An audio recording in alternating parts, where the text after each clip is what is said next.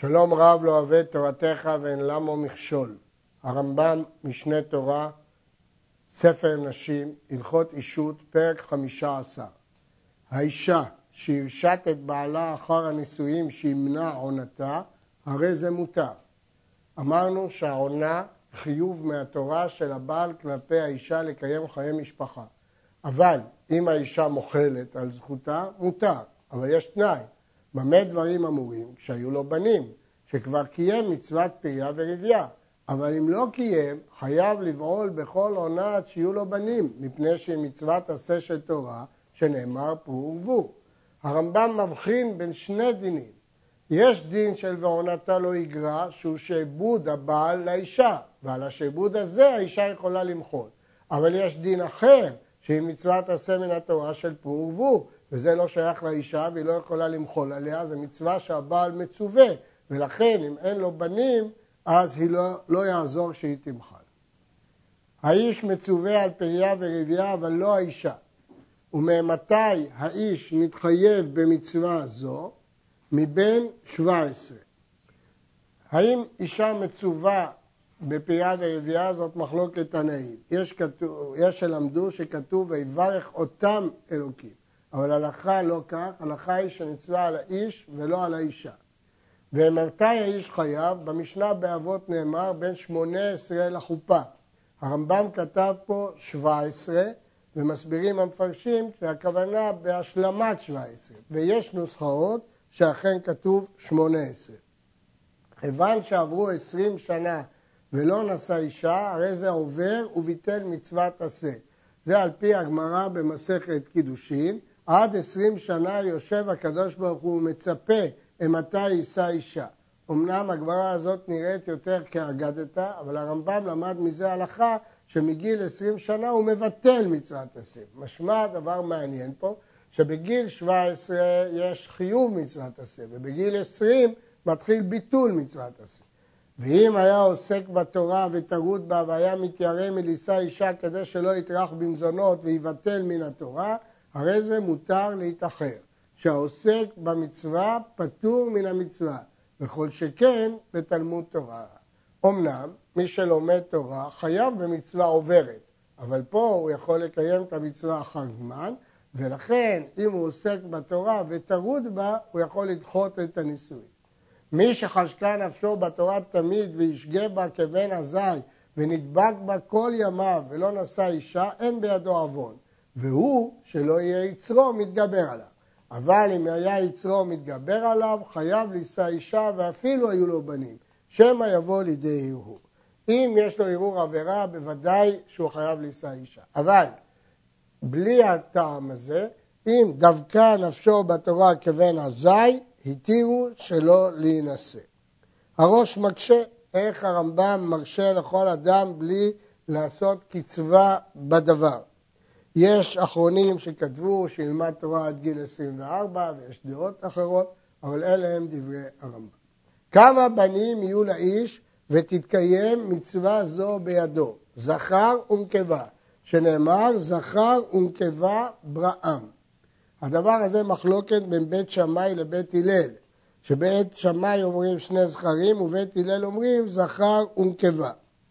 אגב, המאירי מביא שיש שלמדו מהירושלמי שגם בית הלל מודים לבית שמאי בשני זכרים, אלא באו להוסיף בזכר ונקבה, אבל מדברי הרמב"ם לא כך. משמע שעד שאין לו זכר ונקבה הוא מחויב להמשיך ולפרוט ולרבות עד שיהיו לו זכר ונקבה. היה הבן סריס או שהייתה הבת איילונית לא קיים מצווה, כי הם לא מעמידים בנים. נולדו לו זכר ונקבה ומתו והניחו בנים, הרי זה קיים מצוות פריה ורבייה. בני בנים הרי הם כבנים. במה דברים אמורים? כשהיו בני הבנים זכר ונקבה, והיו באים מזכר ונקבה. אף על פי שהזכר בן ביתו והנקבה בת בנו, הואיל והם משני בניו, הרי קיים מצוות פריה ורבייה. אבל אם היו לו בן ובת ומתו והניח אחד מהם זכר ונקבה, עדיין לא קיים את המצווה. הרמב"ם פוסק שבני בנים כבנים לעניין מצוות פריה ורבייה בתנאי שיהיו משני בנים ושיהיו זכר ונקבה. הטור חולק וסובר שכל שיש לבנו ולבתו ילדים הוא קיים פריה ורבייה. נפקא מינה, האם הוא צריך להמשיך ולפרוט ולרבות. בהמשך נראה שיש עוד דין להרבות את הארץ גם אם קיים מצוות פריה ורבייה, אבל זה דין שני. היו לו בנים בגיותו ונתגייר הוא והם, הרי זה קיים מצווה זו.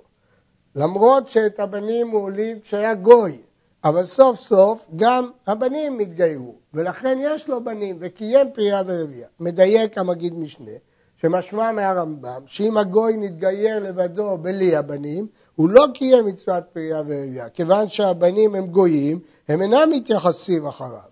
אבל המעריד סובר שאפילו לא נתגיירו בניו, עדיין קיים מצוות פריה ורבייה. ערוך השולחן טוען שגם הרמב"ם יודע בזה במקרים מסוימים, אבל פשט דברי הרמב"ם הוא כמו המגיד משנה, שרק אם הבנים יתגיירו, הוא קיים מצוות פריה ורבייה. היו לו בנים והוא עבד, ונשתחרר הוא והם, לא קיים מצוות פריה ורבייה, עד שיוליד אחר שנשתחרר. שהעבד אין לו ייחוס. מבחינה זאת, עבד מצבו יותר גרוע מאשר גוי. לגבי גוי, כיוון שכשהיה גוי היו לו בנים, הם ממשיכים להיות בנים שלו, ואם הם יתגיירו הוא קיים את המצווה. אבל אה, עבד אין לו יחס, הוא לא מתייחס לאביו בכלל. שבו לכם פה עם החמור, ואין להם יחס. כיוון שאין להם יחס, הם לא מתייחסים לאביהם, כאילו אין לו בנים. לא יישא אדם עקרה וזקנה ואילונית וקטנה שאינה ראויה ללד. אלא אם כן קיים מצוות פריה ורבייה. או שהייתה לו אישה אחרת לפרוט ולרבות ממנה. אם הוא קיים מצוות פריה ורבייה, יכול לשאת אישה שלא יכולה ללדת. אבל אם הוא לא קיים, הוא לא יכול. בהמשך נראה שיש עוד חיוב מדרבנן להמשיך לפרוט ולרבות. אבל מעיקר הדין של מצוות פריה ורבייה, כיוון שהוא כבר קיים את המצווה, יכול לשאת אישה זקנה או עקרה. נשא אישה ושעתה עמו עשר שנים ולא ילדה, הרי זה יוציא וייתן כתובה, או יישא אישה ראויה ללד. ואם לא רצה להוציא, כופין אותו ומקין אותו ושוט עד שיוציא. ואם אמר איני בעולה, הרי אני שוכן עמה בפני עדים כדי שלא יתייחד עמה. בין שאמרה היא, בין שאמרו, אין שומעים לו, אלא יוציא או יישא אישה הראויה ללד. כתבו הפוסקים אה, של ההלכה, לא נוהגים את הדבר הזה, מקלים היום שלא לגרש אישה שנמצאה עקרה. יש גם מדייקים מהגמרא, שאם ילדה ילד אחד, אף על פי שלא קיים מצווה פרייה ורבייה, רשאי אה, לקיימה. שעתה עשר שנים ולא ילדה, והרי הוא יורש שכבת זרע כחרץ, חזקת החולי ממנה ותצא שלא בכתובה ויש לה תוספת. אם החולי הוא ממנה ולא ממנו, אז היא יוצאת שלא בכתובה, אבל מקבלת תוספת כתובה. לא תהיה זו פחותה מהעילונית שלא הכיר בה שיש לה תוספת כתובה כמו שהתבהר. ואם אינו יורק החץ, חזקת החולי ממנו בלבד, וכשיוציא ייתן הכתובה כולה, עיקר ותוספת, מכיוון שהוא זה החולה. הרעב"ד חולק על הרמב"ם. וסובר שגם אם מתברר שהוא יורק החץ, אין עדיין הוכחות שהיא האשמה והיא לא מפסידה את הכתובה מכמה וכמה סיבות. הסיבה העיקרית שאולי הוא לא זכה להיבנות ממנה, אי אפשר לדעת שממש החולי ממנה בוודאות, ולכן היא לא מפסידה את עיקר הכתובה. הוא אומר ממנה נמנע עליו, והיא אומרת ממנו נמנע, היא נאמנת, ויש לו להחרים סתם על מי שטוענת דבר שאינה יודעת אותו בוודאי ואחר כך ייתן כתובה. אם היא בריא, אנחנו מאמינים לה, כי היא יודעת והיא לא חצופה להגיד את הדבר הזה. ואם אמרה איני יודעת אם ממני וממנו, אין לה עיקר כתובה כמו שאמרנו. מספק היא מפסידה את הכתובה. למה? המוציא מחברו עליו הראייה. העמד ממון בחזקת בעליו עד שתטעון בוודאי שאינו יורק החץ, ובריא. אבל אם היא בעצמה לא יודעת, היא לא יכולה להוציא ממנו ממון. מפני, והיא נאמנת, ולמה היא נאמנת בטענה זו? מפני שהיא מרגשת. היא מרגישה את ההרגשה הנכונה עם האשמה בה או בו, ולכן מאמינים לה. האישה שבאה לתבוע בעלה לגרשה אחר עשר שנים מפני שלא ילדה, היא אומרת שאינו יורק החטא, שומעים לה. היא טוענת שאין לה ילדים ממנו באשמתו, והיא רוצה להתגרש. אבל הרי היא לא מצווה בפריה ורבייה, אף על פי שאינה מצווה על פריה ורבייה. שומעים לה, כי צריכה היא לבנים, לזקנותה. היא רוצה בנים שיעזרו לה. וכופין אותו להוציא וייתן עיקר הכתובה בלבד. הוא לא ייתן את התוספת, שלא כתב לה תוספת, על מנת שתצא לרצונה ותיטול. היא רוצה לצאת וליטול, אז על מנת זה הוא כתב לה תוספת, אבל את עיקר הכתובה הוא חייב לתת לה. י"א הלך בסחורה בתוך עשר שנים, או שהיה חולה או שהיו חבושים מבית האסורים, אין עולה להם אותו זמן מן המניין. כי ברור שבתקופה הזאת היא לא יכלה להיות בהיריון, ולכן זה לא עולה לחוץ לארץ. יש מחלוקת בראשונים האם ישיבת חוץ לארץ עולה למניין עשר שנים. הרמב"ם סבור שבין חוץ לארץ שעולה לארץ מונים לו עשר שנים מחדש, כי זכות הארץ תעמוד. הפילה מונה מיום שהפילה. אם הפילה וחזרה והפילה שלוש פעמים, הוחזקה לנפלים, ושמא לא זכה להיבנות ממנה, ויוציא וייתן כתובה. הוא אומר הפילה בתוך עשר כדי שישאר עימה, והיא אומרת לא הפלתי, נאמנת, שאינה מחזקת עצמה בעקרות. הוא אומר הפילה שניים, והיא אומרת שלושה, נאמנת, שאינה מחזקת עצמה במפלת, ויוציא וייתן כתובה.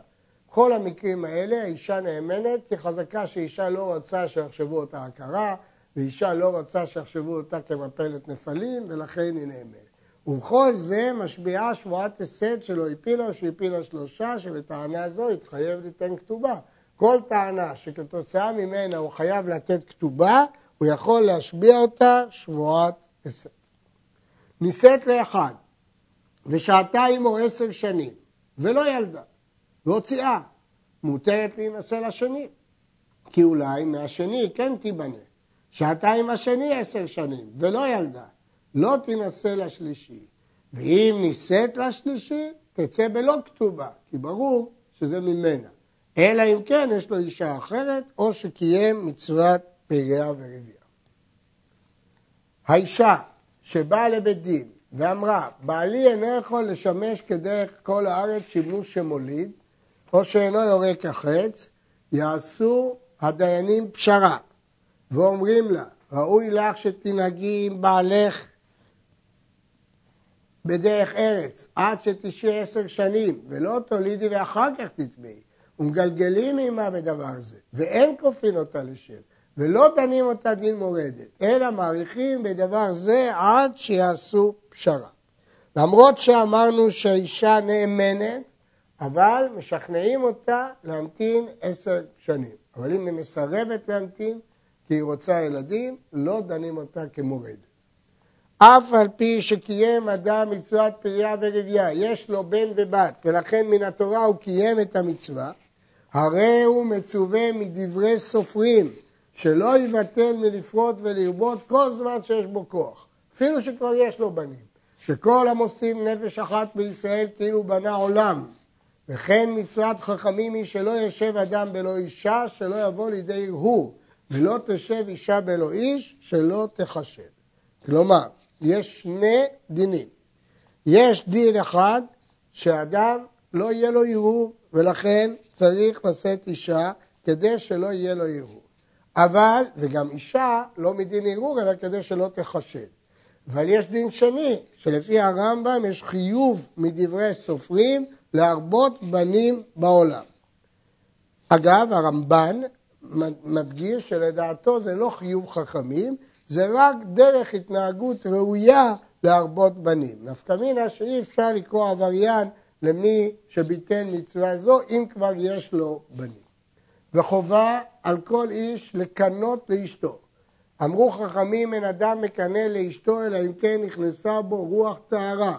זה מחלוקת רבי ישמעאל ורבי עקיבא במסכת סוטה והלכה כרבי עקיבא. ולא יקנא לה ביותר מדי, ולא יאנוס אותה ויבעול בעל כורחה, אלא לדעתה מתוך שיחה ושמחה. הקנאות לאשתו במידה מוגבלת גורמת לזהירות שלה ומעידה על אהבתו אליה, אבל במידה מופרזת היא מטילה חשדות ביניהם ומקלקלת את חיי הנישואים והיא לא רצויה. הבעילה וחיי האישות צריכים להיות מתוך רצון, שמחה ושיחה, ולא מתוך אונס ובעל כורחה, כפי שהגמרא אומרת. וכן ציוו חכמים, שתהיה צנועה האישה בתוך ביתה, ולא תרבה שחוק וקלות ראש בפני בעלה, ולא תשבע תשמיש המיטה בפיה, ולא תהיה מדברת בעסק זה, ולא תמנע מבעלה כדי לצערו עד שיוסיף באהבתה, אלא נשמעת לו בכל עת שירצה. ותיזהר מקרוביו ובני ביתו כדי שלא יעבור עליו רוח קנאה, ותתרחק מן הכיעור ומן הדומה לכיעור. אישה צריכה להיות צנועה בתוך ביתה, לא להרבות בשחוק וקלות ראש, לא לדבר בפה על ענייני תשמיש, לא לצער את בעלה בנושא הזה, ולהיזהר במעשיה שלא יביאו אותה לידי חשד. וכן ציוו חכמים, שיהיה אדם מכבד את אשתו יותר מגופו, מכבדה יותר מגופו, ואוהבה כגופו. ואם יש לו ממון, מרבה בטובתה כפי הממון. הוקירו לנשקו ותתעתרו. יקנה לה תכשיטים ויכבד אותה כפי הממון. ולא יטיל עליה אימה יתרה. הסגנון של הדיבור לא יהיה מאיים. הגמרא אומרת, לעולם לא יטיל אדם אימה יתרה בתוך ביתו, והיא מביאה דוגמאות קשות, מה שקרה בעקבות האימה יתרה. ויהיה דיבורו עימה בנחת, ולא יהיה עצב ולא יהיה רוגז. כשהבעל מדוכא או עצבני, זה גורם אה, קלקולים בחיי הנישואים, הוא צריך להיות בנחת ובשמחה. וכן ציוו חכמים על האישה, שתהיה מכבדת את בעלה ביותר מדי, ויהיה לו עליה מורה, ותעשה כל מעשה על פיו, ויהיה בעיניה כמו שר או מלך, מהלכת בתאוות ליבו ומדחקת כל שישנא. וזהו דרך בנות ישראל ובני ישראל הקדושים והטהורים בזיווגן. ובדרכים אלו יהיה יישובן נאה ומשובח. אם האישה מכבדת את בעלה, יראה ממנו, עושה מעשיו על פיו, והבעל מכבד את אשתו יותר מגופו, ואוהבה כגופו, ומדבר עימה בנחת ובשמחה, מובטח שחיי הנישואים האלה יהיו נאים ומשובחים. עד כאן.